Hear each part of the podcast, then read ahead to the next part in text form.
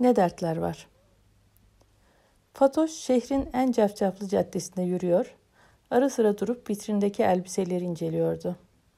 Muzaffer giyimin devasa vitrininin önüne gelince güneş şarplı bir sağ ayağının bir sol ayağının üstünde bekleyen kadının yanında durdu. Gözlüğünü röfleli saçlarının üzerine kaldırdı. Kızım neredesin sen bir saattir? Dondum dikilmekten. Bacaklarımın dermanı kesildi deyince annesi Fatoş gözlerini devirdi. Yandaki kafeye otursaydın ya.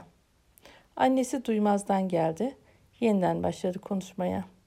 Şu haline bak. Zemperi zürefası gibi giyinmişsin yine. Güzellik onsa dokuzu dondur anneciğim. Sefam olsun. Çekemeyenler çatlasın derken vücudu omuzlarından bacaklarına kadar sallanıyordu Fatoş'un. Neyse neyse şu kağıtları imzala da bankaya gideyim. Şu borç belasından da bir kurtulsaydım. Kızım evini ipotek ettiğimi Osman duymadan borcumu kesin öderim. Sen merak etme. Fatoş çantasından çıkardığı altın rengi tükenmez kalemle annesinin gösterdiği sayfaları imzaladı.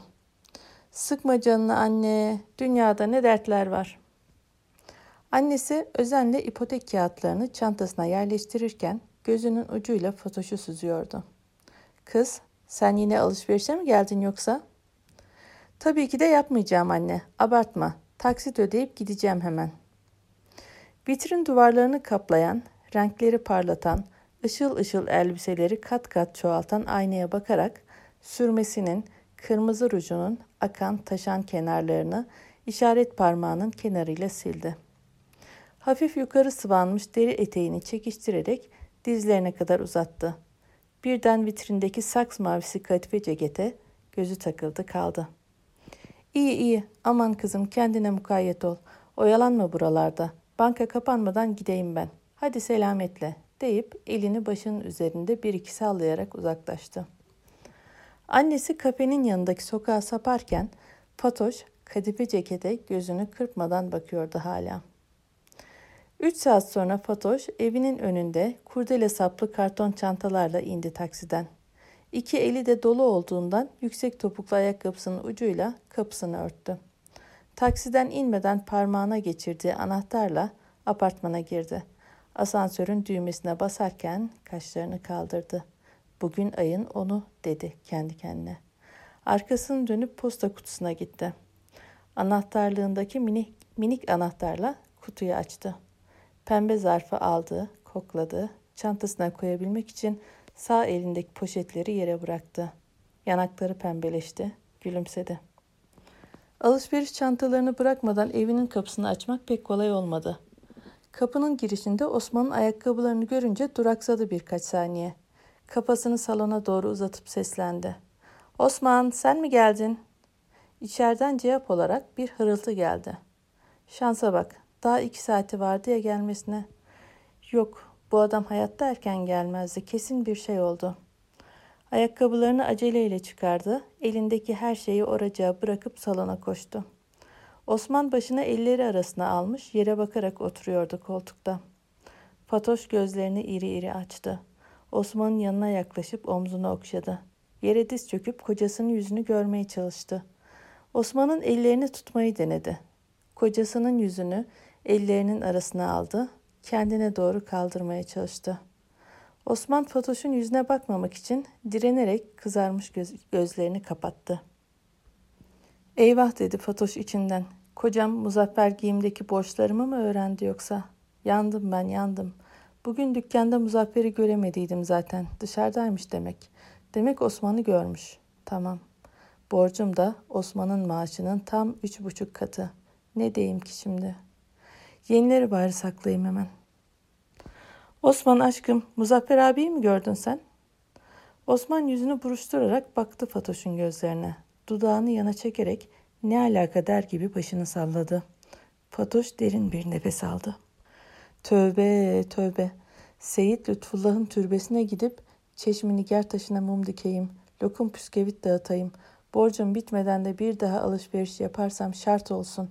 İki gözüm önüme aksın, sevdiklerimin ölüsünü öpeyim. Akıllanmazsın kızım sen. Yok yok, bu sefer tutarım yeminimi. Düşüncelerini başında sallayarak onaylıyordu bir yandan. Ne oldu? Söyle canım hadi dedi. Kocasının kıvırcık saçlarını okşarken. Fatoş'un gönlüne az bir ferahlık gelmişti ki birden kalbi hızlandı. Asım'ın gönderdiği mektupları mı bulmuştu yoksa? Yo, mektup alınmamıştı. Kapalıydı zarf. Keşke alır almaz yaksaydım. Hiç biriktirmeseydim mektupları. Aptal kafam. İki kötü mani için evliliğinden mi olacaksın şimdi?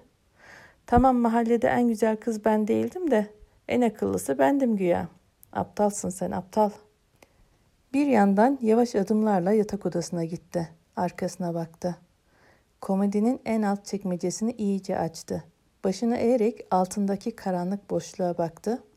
Mektup destesi oradaydı hala. Mektupları tutan kurdele kendi bağladığı gibi duruyordu. Çekmeceyi usulca kaparken derin bir nefes aldı. Ay Osman bir görse. Adam çöpsüz üzüm de namusuna pek düşkün. Neyse şeytan kulağına kurşun.